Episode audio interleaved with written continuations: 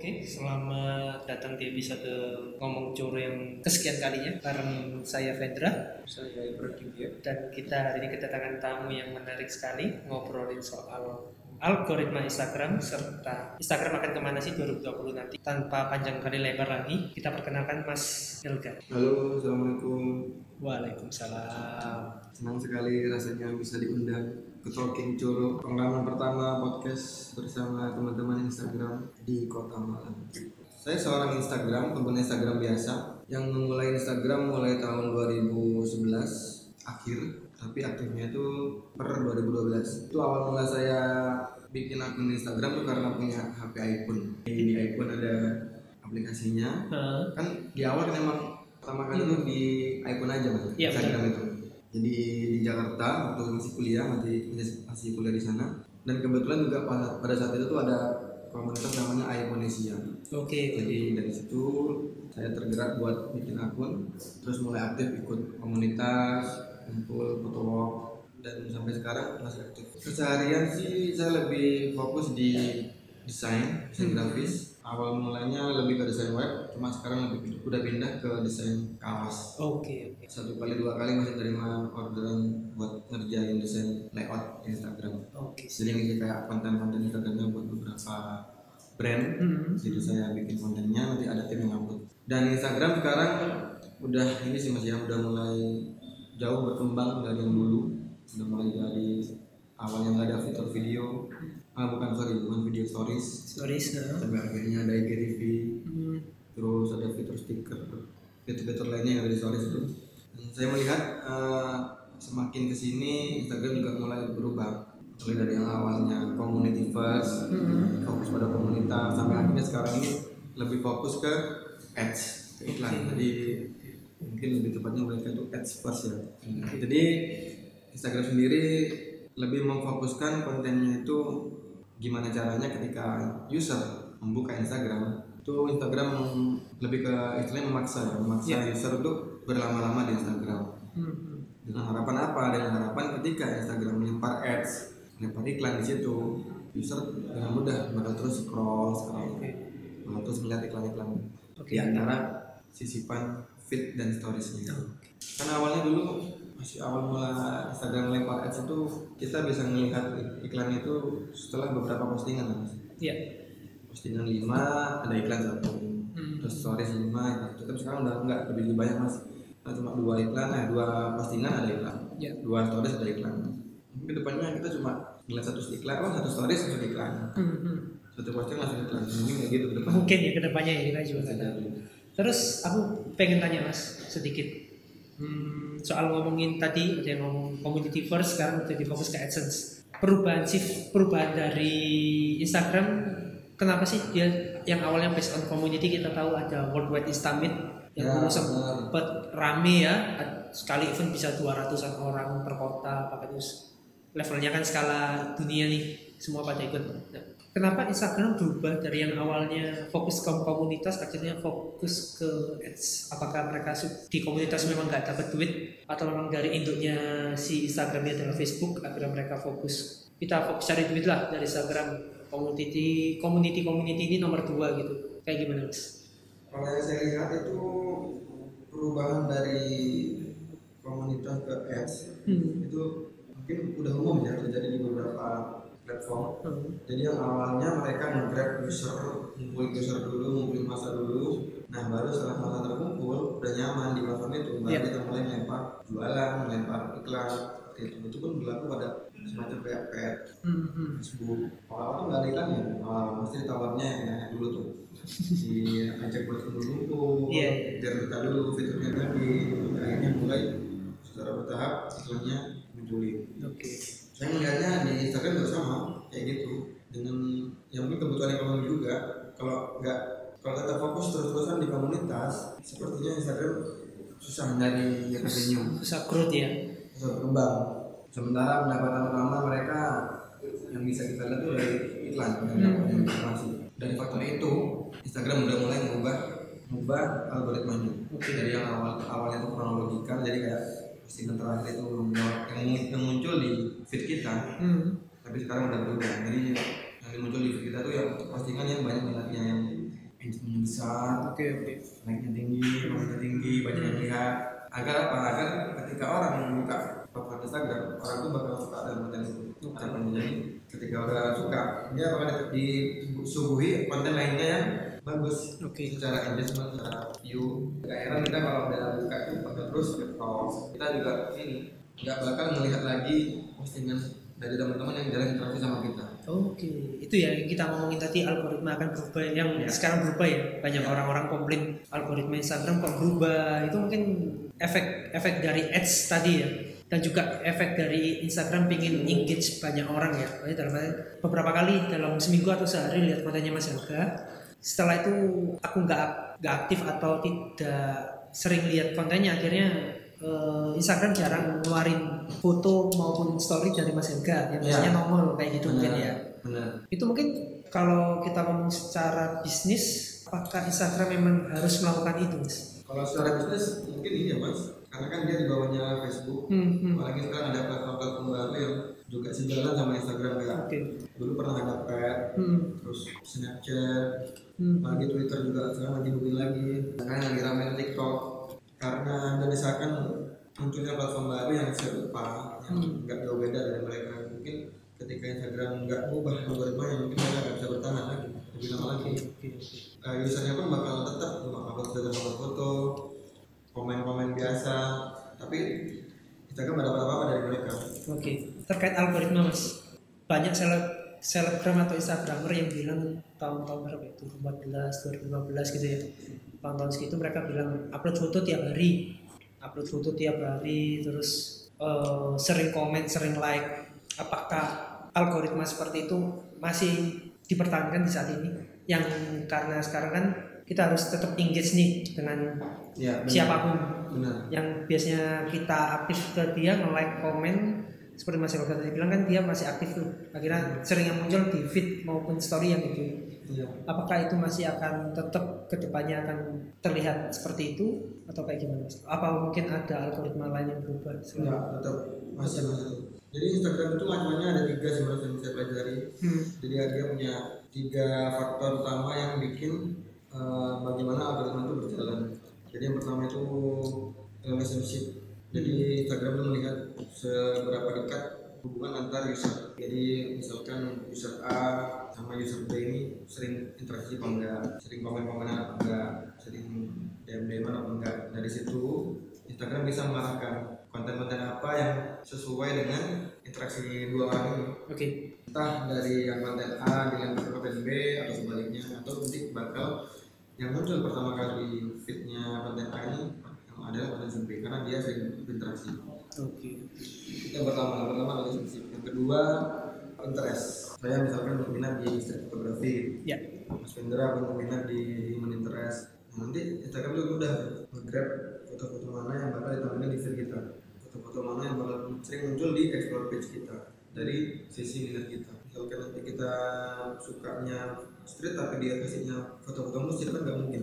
Jadi Instagram membuat sistem gimana caranya melempar foto-foto yang sesuai dengan minat masing-masing user. Itu yang bikin tiap explore page user juga beda-beda dari situ. Sama yang terakhir itu esensi. Esensi itu seperti kayak mas jadi ada kalau dari dulu kan kronologi kronologikal ya.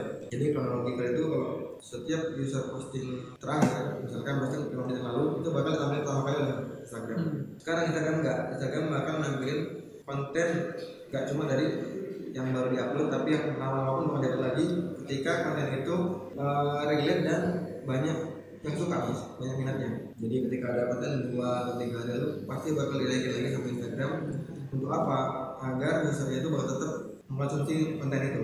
Sekarang kontennya apa? Konten banyak disukai orang banyak yang respon banyak interaksinya. Itu berpotensi bakal bikin orang makin betah. Sebenarnya gampang kok algoritmanya itu. Gimana caranya Instagram tuh bikin usernya itu lebih betah aja di di Instagram. Ya gitu harus gini harus gitu. Cuma kalau untuk posting satu hari satu postingan itu bakal ngaruh mas. Untuk yang algoritma sekarang. Khususnya untuk akun-akun yang baru grow baru berkembang dia mau bikin mau bikin engagement hmm.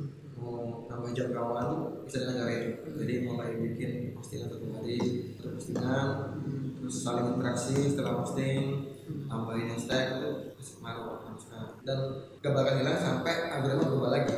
Jadi kalau Mas Vendra dan teman-teman upload fotonya jarang interaksinya jarang udah saya heran kalau nanti bakal seperti respon bakal seperti intinya bakal menurun lah. Misalkan kita perbandingannya angkanya dari foto A sama foto B.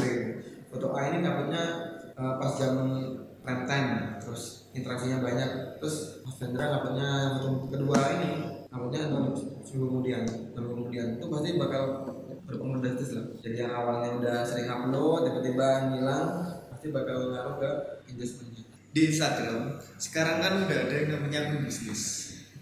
Dan akun komersial biasa kan ya akun user biasa. Nah untuk algoritma dari akun bisnis itu sebenarnya juga sama nggak sih dengan akun-akun biasa lainnya? Karena kita tahu kan kayak ibaratnya akun bisnis kan udah spesifik. Kayak ibaratnya akun bisnis coffee shop atau akun bisnis baju. Itu kan kalau kita upload dengan feed yang tentang kopi aja otomatis kan ibaratnya user yang masuk tertarik ke, ke situ juga user-user yang kopi aja yang upload-upload tentang kopi aja ya kan? Sedangkan kayak pasar marketnya kan sebenarnya ya juga orang biasa bahkan ada orang-orang yang nggak ngerti kopi.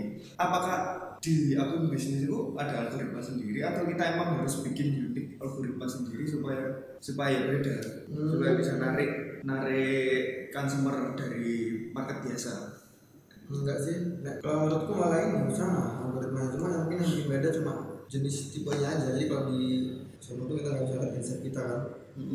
Yang bisa lihat insightnya cuma di di akun bisnis. Ya saya nggak saya nggak ini sih nggak begitu detail nggak membandingin antara yang personal sama yang bisnis. Karena dari ketika algoritma itu mulai dibangun dibentuk posisi akun saya udah berubah jadi bisnis. Tapi ada saya saya juga punya akun di akun lain buat akun-akun lomba gitu. Saya ngebandingin dari akun yang kedua ini saya nggak bisa nggak bisa ngubah. Maksudnya nggak bisa ngubah gimana caranya saya bakal bertindak gitu jadi ketika saya tahu di akun bisnis itu saya bisa melihat perkembangan tiap postingan ya. Jadi postingan ini engagement-nya gede terus komennya tinggi jadi berpengaruh pada audiennya. Tapi kalau yang di akun yang personal kita nggak tahu tuh sebesar apa dampak engagement ini di postingan kita. Jadi kita nggak bisa ngukur kalau di akun personal mungkin. Akun personal bahkan lebih pas itu kalau dipakai sama orang-orang yang nggak begitu fokus nge-grab audience di Instagram. Jadi hanya sekedar buat upload foto bagi kehidupan sehari-hari tanpa ada keinginan buat untuk ke depannya dia bakal bikin bisnis atau bikin brand dari produk atau jasa yang dia punya. Tapi kalau untuk bisnis mungkin Instagram lebih memfokuskan ke akun-akun yang dia bakal ke depannya bakal fokus ke bisnis. Jadi dengan harapan dia bakal iklan di Instagram terus dia punya pasar sendiri punya market sendiri punya toko sendiri di Instagram jadi dari situ Instagram bisa melempar fitur-fitur seperti kayak fitur insight, engagement rate-nya seberapa besar, terus foto mana yang banyak disukai orang, terus jam-jam berapa orang aktif, bakal ditunjukin di akun bisnis. Tapi secara algoritma sama aja kok. Aku ngomong-ngomong tentang iklan ya mas. Sekarang tuh ada beberapa ya kayak selebgram itu yang dia malah mengiklankan fotonya sendiri di Instagram. Berarti kayak ya kalau kita memanfaatkan fitur itu sebenarnya bisa nggak sih? Misalkan selain dari algoritma yang kita kita bentuk sendiri ya kita juga memanfaatkan iklan itu untuk personal branding kita. Bisa. Mungkin tapi ini nggak apa ya mungkin kalau pakai ads itu lebih sistem kali ya. Jadi kayak dia udah tahu pasarnya umurnya berapa, terus minatnya di mana, terus eh, bakal actionnya apa? Apa ngelempar ke web atau cuma ngeklik iklannya? Cuma kembali lagi ke ini ke masing-masing user dia fokus iklannya itu lebih ke apa? Apa yang dia bakal dia jual? Oke lah selebgram promo soal dirinya sendiri. Tapi dia mau jual apa? Value apa yang bakal dia kasih? Itu itu yang bakal jadi pembeda menurut saya. Oke punya eh, selebgram A selebgram C selebgram C sama-sama promo. Tapi dari ketiga ini pasti punya value masing-masing. Yang dari dari setiap eh, Instagram Instagram ini dia nggak punya di yang A B jadi nggak bakal sama.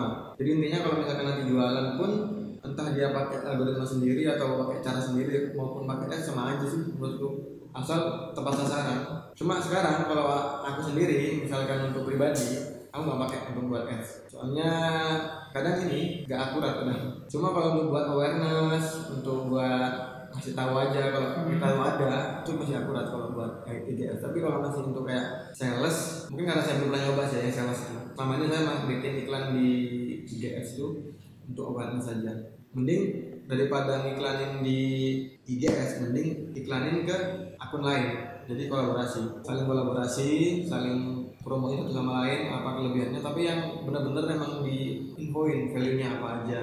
Istilahnya kayak apa ya? Gitu tuh minta testimoni ke teman jadi teman tuh menjelaskan kita tuh punya value ini A B C D yang bakal bisa dijual.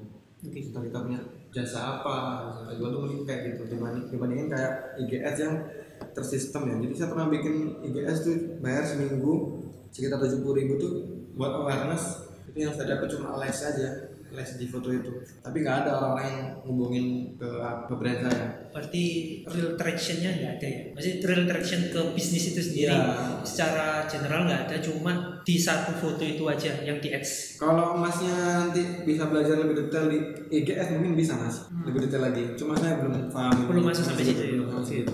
Gary Vee kan sering sering bilang bahwa eh, sosial media ini bukan galeri senimu gitu. Sosial media ya sosial media gitu.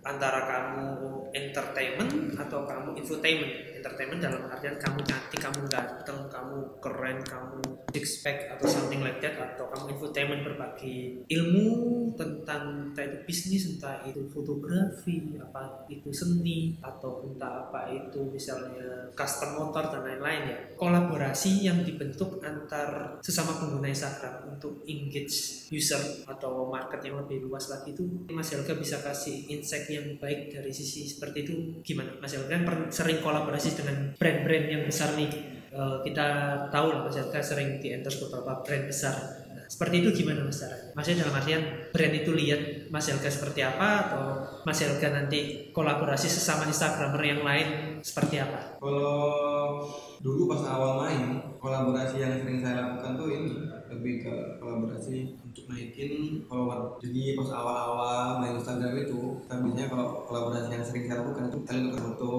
terus saling edit, jadi posting bareng kayak gitu. Itu yang dulu. Kalau yang sekarang mungkin lebih ke jatuhnya ke arah bisnis mungkin ya bisnis jadi yang awalnya untuk buat pribadi sekarang lebih ke bisnis nah sementara di bisnis ini ada dua pihak nih pihak kreator sama brand. Jadi gimana caranya kolaborasi antara dua pihak ini saling menguntungkan. Biasanya kalau brand itu dia itu mencari eh, kreator-kreator yang ketika dia nanti berkolaborasi dengan produknya atau jasanya, harapan brand itu pasarnya kreator ini bakal masuk ke brand tadi. Jadi kita bisa, jadi brand itu bisa nge-grab pasarnya kreator ini dengan cara penjualan atau berupa jasa. Sementara dari kreator bisa dapat benefit berupa entah itu uang atau produk atau ya sekedar bisa naik. Misalnya di fitur sama si Gary Vee aja udah naik cepet tuh. Dapat follower Iya. banyak dapat interaksi kayak gitu. Jadi kalau yang saya lihat sekarang ini gimana caranya uh, hubungan antara brand sama kreator ini saling terhubung dan ini dapat keuntungan masing-masing? Kan namanya kolaborasi pasti itu mas. Sama-sama saling menguntungkan ya jadi ketika brand juga mencari uh, misalkan selebgram, influencer atau konten kreator yang tepat, mereka juga melihat dari sisi kontennya. Konten-kontennya tuh relate gak sama pasar pasar saya, pasar brand itu. Kalau emang nggak relate, ya otomatis pasti tidak bakal relate. Ambil contoh misalkan saya kemarin di terakhir ini mungkin ya mungkin Masalahnya kan eh, orang-orang yang suka motret menggunakan HP. Sementara di konten saya, saya dari awal motret di Instagram. Dan upload di Instagram itu fokus pertama kali memang pakai smartphone, tidak pakai kamera digital atau yang lainnya. Mungkin ada relate di situ sehingga melalui agensinya percaya bahwa konten saya ini pasarnya tuh orang-orang yang suka fotografi pakai HP dengan dengan harapan nanti ketika saya posting konten orang-orang di, di di pasar saya ini audiens saya ini bakal tertarik untuk pakai. Mungkin yang saya lihat sekarang itu kayak gitu. Jadi kolaborasi antar eh, dua pihak ini emang sering banget terjadi. Gak cuma eh, brand-brand produk kok brand-brand jasa semacam Joska Iya. atau prudensial itu pasti bakal ngundang orang-orang yang tiap hari ngomongin soal keuangan, Pasti. soal asuransi, soal kehidupan sosial. Nggak mungkin orang-orang yang ngomongin soal beauty kan aneh kan? Jadi apa soal ngomongin soal asuransi tapi bahasnya soal beauty. Mungkin kalau relate pasti bisa. Kalau kita lihat ke belakang beberapa tahun yang lalu kan kadang-kadang eh, mereka itu selebgram selebgram kan jualan produk yang kadang-kadang mereka nggak tahu nih nggak tahu produknya apa tapi tetap aja jualan gitu. Mungkin hal itu ya yang akhirnya eh, secara bisnis sama Instagram dirubah ya algoritmanya ya. bisa jadi bisa jadi Terus akhirnya semakin ke sini semakin ke sini brand-brand banyak yang sadar bahwa mereka ngelakuin nge-endorse eh, Instagramer yang tidak se-value sama mereka, audiensnya juga nggak se-value, nggak memberi feedback. ya. Akhirnya Instagram bisnis itu yang sis, apa insight terus tools-toolsnya mereka itu yang akhirnya memperlihatkan itu bahwa itu nggak ngefek ya mungkin ya. mungkin ini sih mas lebih ke tujuannya sih. Hmm. ada kok kadang brand itu cuma pengen dapat awareness saja jadi dia nggak mau nggak fokus ke sales. Oke. dia cuma pengen orang-orang tahu lah dia punya produk A gitu campaignnya. Ada kayak gitu mas. Jadi nggak cuma melulu A bahasa konten B tapi mungkin ya miskomunikasi gitu mungkin ya. Jadi orang-orang yang followernya banyak dia di endorse sama brand yang nggak berhubungan sama kontennya. Tapi harapan harapan brand itu mungkin beda. Dia pengen dengan adanya endorse Follower. ke ke kreator ini mungkin tambah banyak orang yang tahu produknya dia. Kan dia followernya banyak. Dia cuma butuh followernya Ya, aja. jadi ketika Mas Vendra dan teman-teman tuh melihat kok selebgram A gak gak ini sih gak relate sih bahas malah bahas produk yang bukan ahlinya gitu. Iya. Mungkin tujuannya beda dari brandnya, permintaannya beda. Bisa aja brandnya cuma minta aku pengen aja sama kamu karena kamu banyak fans adiknya gitu. Jadi ketika kamu upload uh, kontenku, harapannya penggemarmu itu user-usermu itu tertarik sama sama brandku atau bahkan seenggaknya akan kenal lah Hmm. bukan tertarik jadi kenal lah kenal itu di marketing harusnya ada tuh kayak Hmm. sistem-sistem gitu jadi kayak ngubah dari cold customer ke warm customer sampai jadi pembeli Ya kayak namanya customer customer acquisition. Lah. ya jadi kayak dia belum tahu tahu akhirnya pengen nyoba sampai akhirnya beli dan tertarik. Kayak kayak gitu.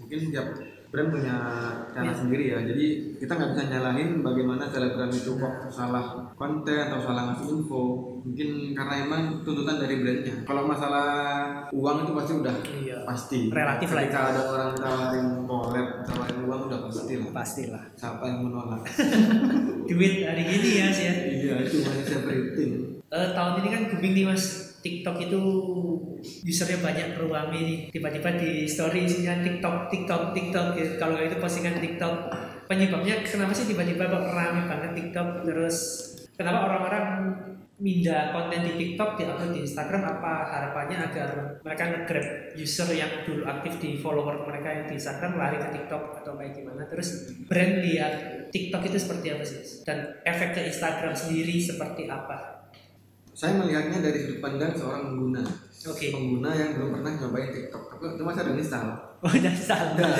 install. Aku mau install.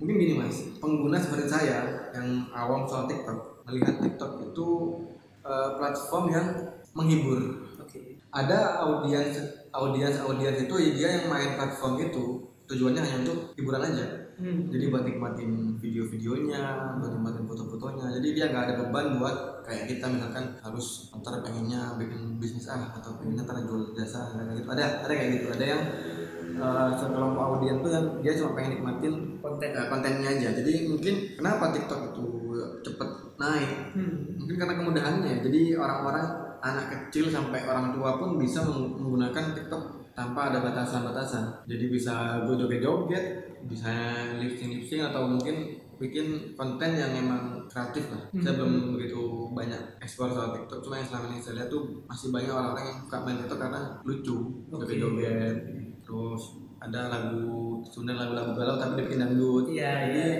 menghibur kan kayak gitu Mudah Iya. digunakan ya tanpa perlu skill edit yang susah. Bener, jadi orang awam pun mau pakai juga ya udah gampang. Itu mungkin yang bikin TikTok cepet naik. Oke. Nah, kenapa orang-orang ngupload TikTok di Instagram? Satu mungkin karena orang itu sebelumnya udah pernah main di Instagram, jadi dia udah punya pasar di Instagram, udah sering eh, interaksi sama teman-temannya di Instagram. Sementara di TikTok itu masih baru. Jadi gimana caranya dia coba lempar di Instagram dengan harapan mungkin teman-teman lainnya bakal ngikut atau bakal follow akun TikToknya dia. Atau bisa juga di TikTok tuh dia nggak nggak tahu mau ngebagiin ke siapa. Hmm. Kan dia masih baru tuh. Iya, iya. Dia bingung mau bagi bagi siapa. Jadi di Instagram tuh jadi pelarian lah ya. Dilempar ke Instagram dengan harapan orang-orang bakal terhibur dengan kontennya dia di TikTok. Kira pindah. Ya beda. Sementara kalau Instagram sendiri melihat perkembangan TikTok yang begitu pesat, menurut saya yang harus waspada itu mungkin IGTV ya. Jadi dari segi video, Hmm. kalau perbandingan Apple to Apple itu harusnya TikTok tuh dis, dis, ya, disejajarkan sama IGTV karena mestinya emang video kan. Hmm. Yang saya lihat itu sekarang TikTok memang udah berkembang pesat, sementara IGTV mulai agak ditinggalkan dari yang saya lihat di akun saya sendiri orang-orang udah mulai jarang naikin konten di IGTV mungkin karena di IGTV udah ada YouTube kali ya udah ada YouTube mungkin secara platform juga agak ribet atau enggak saya user friendly di TikTok. Jadi orang-orang mending milih TikTok aja udah menghibur banyak yang cepet rame kayak gitu. Sementara orang-orang yang udah punya akun Instagram tapi dia bikin IGTV kok lama ya naiknya ya agak naik-naik mungkin pemikirannya di situ. Nah tapi ketika Instagram diadu sama TikTok Iya. itu nggak nggak nggak sama Secara general ya. ya karena Instagram basicnya foto Iya. basicnya foto tapi punya fitur video tapi kalau misalkan TikTok mau ngad- ngadu sama Instagram harusnya TikTok tuh juga punya fitur-fitur foto Oke. biar sama berimbang jadi di TikTok bisa upload foto di Instagram bisa upload foto cuma mungkin karena usernya udah keseringan di Instagram udah ada Hmm. filternya udah nyaman komunitasnya juga udah enak jadi ya udah mau nggak mau harus harus ini harus bikin konten upload foto kalau mau nyaingin Instagram Gary Vee juga bilang kok kayak gitu Hmm. jadi kalau Instagram mau diadu sama TikTok itu nggak bakal sebanding karena konten foto sama video nggak bakal Gak bisa gak bisa compare ya Ya. level ya. kecuali kalau mau bandingin TikTok sama IGTV Oh. itu masing-masing atau TikTok sama uh, YouTube kali Secara mereka fokusnya di awal memang video kan YouTube sama TikTok. iya awalnya kan zaman zamannya masih kayak bobo gitu kan dia lip-sync musik Hmm. sambil digoyang-goyangin terus digerak-gerakin kayak ada efek-efeknya gitu. Mungkin bagi orang-orang yang masih awam tuh itu menarik gitu. Oke. wah ini seru nih aplikasinya dia nggak ngapa ngapain cuma Ahmad Kamit udah bisa upload video musik gitu-gitu Oke. joget-joget juga bisa upload video Oke. Nah, sekarang ini brand baik udah udah beberapa kali saya lihat tuh brand-brand di luar sana tuh udah mulai beralih ke TikTok. Oke. Jadi dia bikin pendekatan dengan customer-customernya yang rata-rata TikTok tuh generasi milenial. Oke. Mungkin dia juga harus mau nggak mau mencoba platform ini untuk meng- menggrab ya, menggrab Hmm. hmm, eh, user-user baru yang emang seneng banget aktif di TikTok. Hmm. jadi kayak dia bikin challenge TikTok atau bikin juga konten TikTok yang rame-rame aja kayak kemarin pas itu lagunya Willy Guslo atau lagunya apa ya. Gitu.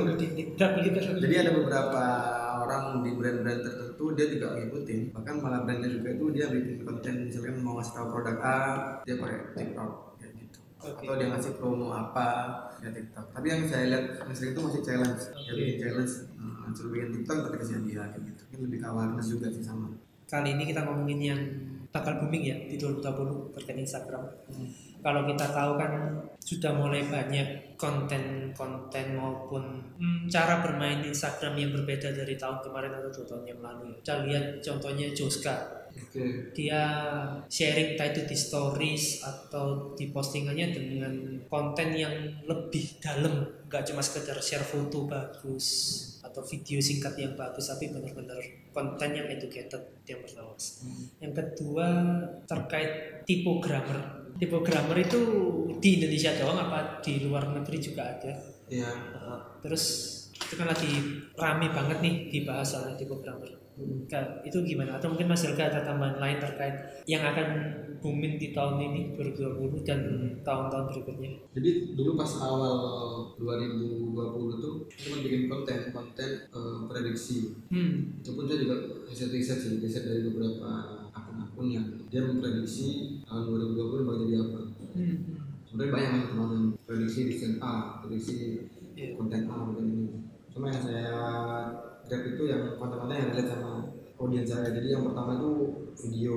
Oke. video bakal tetap jadi nomor satu selama tahun 2020 jadi orang-orang bakal tetap lebih lama mengonsumsi video dibandingkan postingan foto Oke. terbukti kok ini jadi ketika mas buka explore page Ya. ada video nomor satu Hmm. itu pasti bakal cepat dilirik karena dia secara engagement bakal lama kan dikunjungi jadi gak cuma kalau foto kan cuma 10 detik ganti 2 detik ganti sementara video kita bakal tetap lihat nih oh, apalagi video-video yang lagi viral kayak Oke.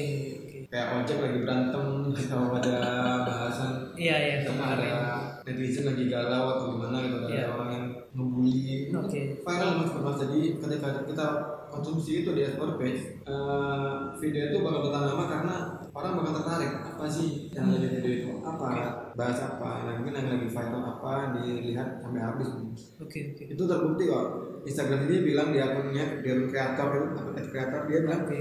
video masih bakal eh, tetap dikonsumsi lebih lama dibandingin foto Oke. Mungkin karena itu ya durasinya ya Ya, Durasi durasi bikin vid- orang makin lama. Hmm, dan juga kalau kita lihat di explore eh, template-nya video kan Lebih porsinya besar. lebih gede daripada foto Besar kan dan autoplay. nah autoplay Jadi dan lebih kita nggak nggak klik aja udah gerak Auto sendiri dia. Hmm. Jadi orang-orang tertarik tuh.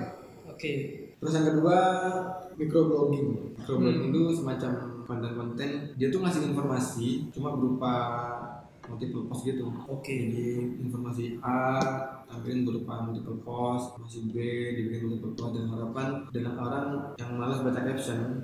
Jadi udah terbantu dari konten-konten microblogging itu. Jadi di foto-foto itu udah ada info-infonya misalkan tips A, tips B, tips C Hmm. tren A, tren B, terus how to, um, ada case A, case B, case C. Jadi orang bisa melihat dari situ Hmm. dan banyak yang konsumsi sekarang ini. Padahal itu udah dari sekitar satu tahun lalu mungkin udah banyak di luar negeri. di luar sana ya. Tapi di Indonesia lihat mulai dari akhir tahun kemarin sampai sekarang ini udah berkembang. oke oke. Terus yang terakhir, yang selanjutnya itu ini banyak orang yang bakal menampilkan konten privasi. konten privasi. Ya, jadi dia akan menampilkan DM DM dari followernya, oh, oke. Terus dia bikin konten, terus ada orang curhat di Twitter dilempar ke Instagram. Itu bakal ramai juga. Oke oke. Dia cuma cuma bahas soal misal bahas soal dia galau pengen diri atau apa itu bakal jadi konten bisa tuh cepet viral malah. Malah banyak banyak orang yang udah mem- memanfaatkan isu-isu soal privasi dan kesehatan mental itu buat konten. Kayak NTCKHI, iya iya iya itu joker. terus joker film joker. Iya, ya self diagnosis itu ya. Terus eh Kunto Aji dia bikin lagu ya. oh. Sendu-sendu gitu. iya iya mantra-mantra ini Orang-orang yang lagi sedih, lagi galau. Orang-orang yang lagi galau aja bikin konten sekarang. Iya, Itu ngebuktiin bahwa privasi orang udah udah nggak ditutupi lagi sekarang malah dijual. iya sih benar Meskipun pada kenyataannya di masih di masih di blur lah. Yang bikin tapi orang-orang sih mengkonsumsi itu mas. oke Terus yang selanjutnya itu ini mas, kalau di Instagram itu the power of stories mungkin. Jadi orang-orang bakal lebih lama main di stories. Jadi bakal banyak konten-konten yang kayak konten bikin filter, oke. Terus template, Oke. template A, template B, template C, template ucapan, filter A, filter B. Dia juga sama kayak tahun lalu yang lagi dibunuhin sama si Mada, yang tadi itu dia bikin tipografi di stories. Itu bakal lebih ramai juga masih bakal tetap bertahan. kayak KT apa? KTCHI itu ya? Iya itu juga ada kan filternya sekarang itu? Iya, filter DCHI jadi orang mau bikin filter tuh ala-ala. Iya. gitu iya ala-ala sinematik gitu gitu iya. Selain itu isu soal tipogramer juga sama sih tidak nggak jauh beda sama microblogging tadi itu Oh, oke. jadi yang ramai di Indonesia sekarang itu banyak akun-akun yang bikin konten-konten dengan tipografi yang menarik. Dia bagi-bagi info soal nama fontnya apa terus tips Tips biar filternya gini tips biar tone-nya gini Hmm. tips biar storiesnya bisa berubah atau nambah background yang anu itu bakal banyak mas. Oke. Dan bakal terus bertambah sampai mungkin akhir tahun 2020 kali. Kecuali emang dia udah mentok gak ada ide. Oke. Mau bahas apa lagi? Tiap hari dibahas mas ya susu apa aja dibahas mau So- cuma lama-lama bingung bingung isinya. sampai kita tuh bingung mau mengkonsumsi konten apa karena saking banyaknya malah ada user A sama user B itu kontennya sama cuma tampilannya aja beda. Oke. Jadi saya pas nge-scroll tuh lihat oh ini sama ini sama yang dulu jadi ya, skip aja skip skip Oh, gitu oke. cari yang benar-benar baru aja Oke. buat konsumsi siap kayak siap gitu. Kalau tren-tren lain sepertinya ini sih mas yang lagi ramai sekarang ini soal corona itu. Kan corona juga berkembang awal Januari. Iya iya. Mungkin ke depannya dengan adanya corona orang-orang bakal lebih aktif di rumah bikin konten sendiri malah prediksi saya nih podcast bakal rame kayaknya Gitu ya? podcast terus video-video kayak di YouTube kayak ini yang udah di produser gitu-gitu bakal rame kayaknya ya boleh lah karena orang udah nggak bisa ke mana-mana kan mau Mm-mm. Hunting nggak bisa mau nyari foto yang di tempat-tempat yang biasanya di Instagram apa udah susah.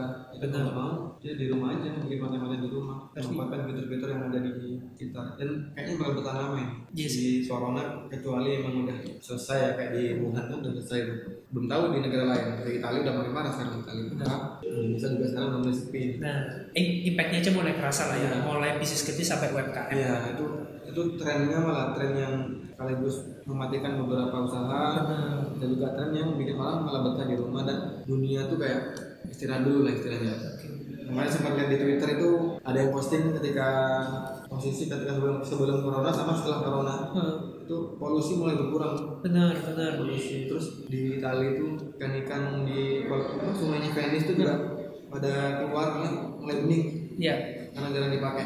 Benar benar. Ya mungkin ada sisi positif ada sisi negatif ya. itu semua dan mungkin melihat efek dari corona ini behavior kita kan masih berubah kayak eh, kebiasaan kita konsumsi berubah yang biasanya beli di tempat jadi via online Iya. yang biasanya kita main keluar akhirnya karena nggak boleh keluar kita akhirnya konsum sosial media lebih panjang Hmm. dan mungkin di situ akhirnya banyak peluang-peluang baru dari kreativitas ketika kita terkena suatu batasan ya Iya.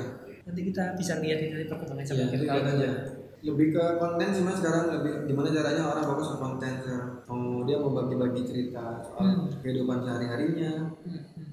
entah itu bakal bakal jadi bisnis atau enggak. Seenggaknya orang udah ada platform yang bisa buat Betul. nyalurin apa yang dia pengen ceritain. Betul. Twitter sekarang juga udah banyak yang bikin tweet-tweet panjang gitu gitu. Oh, ya. Kayak kayak makalah ya kalau itu mau dibaca aja sampai apa Sampai- kakek desa penari tuh. ya kakak bisa penari itu sampai aduh capek scrollnya. ada case apa misalkan habis gini dibikin trip habis ngapain dibikin trip pengalaman ngapain dibikin trip Iya. itu wajar karena emang orang-orang sekarang banyak mengkonsumsi konten semacam itu. Juga bakal terjadi di Instagram dengan berupa ya. Kayak tadi tuh kayak microblogging atau dia cerita di caption atau dia cerita di stories atau bisa pakai dan sastra gitu titik gitu kayak jahitan ya? Ya kayak jahitan. Isinya cerita-ceritanya Oke. kehidupan sehari-harinya kita sudah ngomongin tren ya yang bakal booming ya Hmm. next aku pengen tanya terkait tips and trick nih mas nah ini penting karena ditaruh di belakang adalah yang paling dibutuhkan semua instagramer mungkin ya ya Nah, aku mau tanya nih mas, tips untuk follower yang followernya nggak sampai 10k, apa yang harus mereka lakukan? Engage-nya seperti apa, entah di story atau posting, terus untuk follower yang lebih dari 10k itu biar lebih growth lagi, seperti gimana? Kalau yang saya praktekin sehari-hari Hmm. misalkan ada akun di bawah 10k Hmm. dibandingin sama akun yang udah punya followernya Ya. saran saya kalau yang akun yang masih baru ngembangin baru bikin atau baru baru masuk ke permainan algoritma ini Nah, itu lebih sering-sering buat posting. Oke. minimal satu kali sehari. Dengan catatan posting di waktu yang tepat. Gimana cara tahu waktu yang tepat? Pindah ke akun bisnis lihat di situ di insert ada. Oke. akun akun tiap orang tuh pasti punya uh, waktu waktu online user audiennya itu yang berbeda-beda. Prime time ya? Ya prime time-nya lah. Jadi kita posting sesuai prime time masing-masing akun. Cuma umumnya kalau Indonesia itu rata-rata biasanya orang pagi hari, pas jam istirahat atau pas jam pulang kerja. Jadi gitu. Ada juga yang malah aktifnya tuh pas malam mau tidur atau malah pagi-pagi pas habis apa sebelum berangkat kerja. Itu tiap orang punya uh, berbeda-beda. Hmm. Jadi untuk akun-akun yang masih kecil pengikutnya, Hmm. kecil engagementnya, sebisa mungkin manfaatkan postingan lebih sering. Oke. Karena d- dari postingan itu jangkauan yang dapat bakal lebih besar. Pakai hashtag ya? Bisa. Tanpa hashtag bisa cuma bakal pelan banget perkembangannya. Oke. Iya iya. Dia bu- bisa nggak pakai hashtag tapi dia sering interaksi bisa kayak gitu. Hmm. Dia sering main ke tempat orang, sering komen, like, share, itu bisa. Cuma secara jangkauan pelan-pelan nanti berangkatnya. Oke. dikit-dikit tapi kalau pakai hashtag bakal lebih cepat. Kalau untuk yang akun-akun yang udah punya audiens istilahnya ya, punya Hmm. audiens, punya follower, itu tips yang paling ampuh kalau bisa aktif di stories. Oke. Stories itu secara engagement lebih besar. Hmm. Orang-orang cuma mengonsumsi ya, stories itu cuma 24 jam. Jadi gimana caranya kita lebih menceritakan ke orang. Ya personal branding lah ini. Hmm. menceritakan ke orang melalui stories apa yang selama ini kita kerjakan? Kita punya ilmu apa? Kita punya kerjaan apa? Kita punya value apa? Tampilannya jadi stories ceritain ke orang. Oh. entah itu behind the scene entah itu uh, tips-tips uh, ketika lagi ngerjain sesuatu Oh. itu dari stories. Dari situ orang bakal tahu tuh bakal kenal kita lah intinya. Bakal tahu oh ternyata orang ini tipsnya tuh emang bahas soal A bahas soal B Oke. oh emang ternyata orang ini emang fokus ke bidang A bidang B dari stories itu jadi apa pun yang kita posting di di feed bisa kita perkuat dari stories misalkan di feed kita posting soal foto wedding nih Hmm. Hmm. upload aja di stories behind the scene-nya gimana caranya ketika proses pemotretan atau ketika proses bikin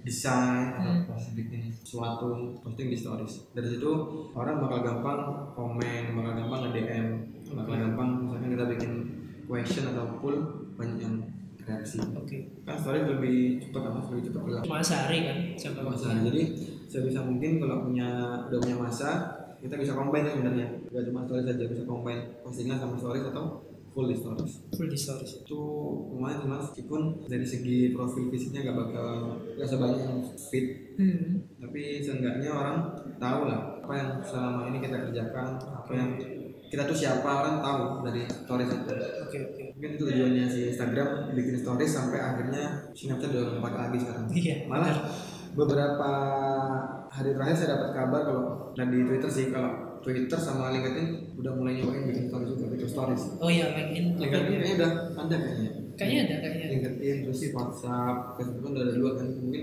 Twitter bakal ada story juga ke depannya Hmm. Tapi kan LinkedIn kan marketnya beda, dia lebih Iya. banyak kan orang profesional kan, profesional Iya. profesional. Kalau sedangkan Instagram atau Twitter kan eh, general lah, Iya. orang-orang umum banyak banget mas. sama ini sih mas kalau untuk orang-orang mau ngembangin Instagram nggak ada salahnya sih pengen nyobain aja pelajari algoritmanya Oke. Instagram itu platform bebas kok. Jadi kita mau followernya berapa, mau kontennya A, B, C, D, E, semua bisa pasti nggak ada aturan baku. Jadi kalau ada konten A mau dibagiin udah bagiin aja. Penting secara etika udah benar, nggak nggak kopas dari banyak orang. Ketika pun kopas juga ada sumbernya tuh, kalau udah aman sih. Jadi istilahnya hendang dimulai aja, segera dimulai lah untuk dari konten.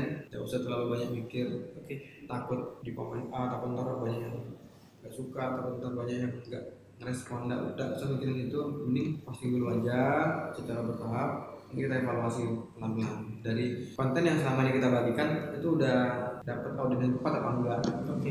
atau mungkin bisa dari sisi penataan kontennya Hmm. kontennya udah bagus belum sih udah sesuai nggak sih sama yang audien inginkan gitu. tips yang paling ampuh ya udah segera dikerjakan aja dulu karena ide itu hilang mas kalau nggak di Iya lah. Benar-benar. ya kan kita mau udah rencana pengen bikin konten A di minggu ini tiba-tiba karena takut enggak enggak upload ah nanti takut banyak orang-orang yang nggak suka atau Hmm. banyak orang yang mencibir ntar malah nggak jadi jadi Hmm. upload dulu aja terkadang orang mau Suka, nggak suka. nggak suka kan itu kan bebas kan nanti. berarti berarti mereka itu bukan masalah kita orang yang nggak suka itu Betul. orang yang nggak suka sama konten kita itu berarti mereka bukan masalah kita bukan audiens Iya. kita jadi nggak usah dipermasalahin Betul betul. ini tuh mas Siap. Oke, terima kasih Mas Erga. Insight-nya terkait Instagram yang akan booming ini. Tren-trennya seperti apa, algoritma Instagram juga seperti apa, serta tips and triknya. Terima kasih telah datang di podcast Ngomong Jorok. sama-sama mas Saya dan Adit mengucapkan terima kasih. Sampai jumpa di episode berikutnya.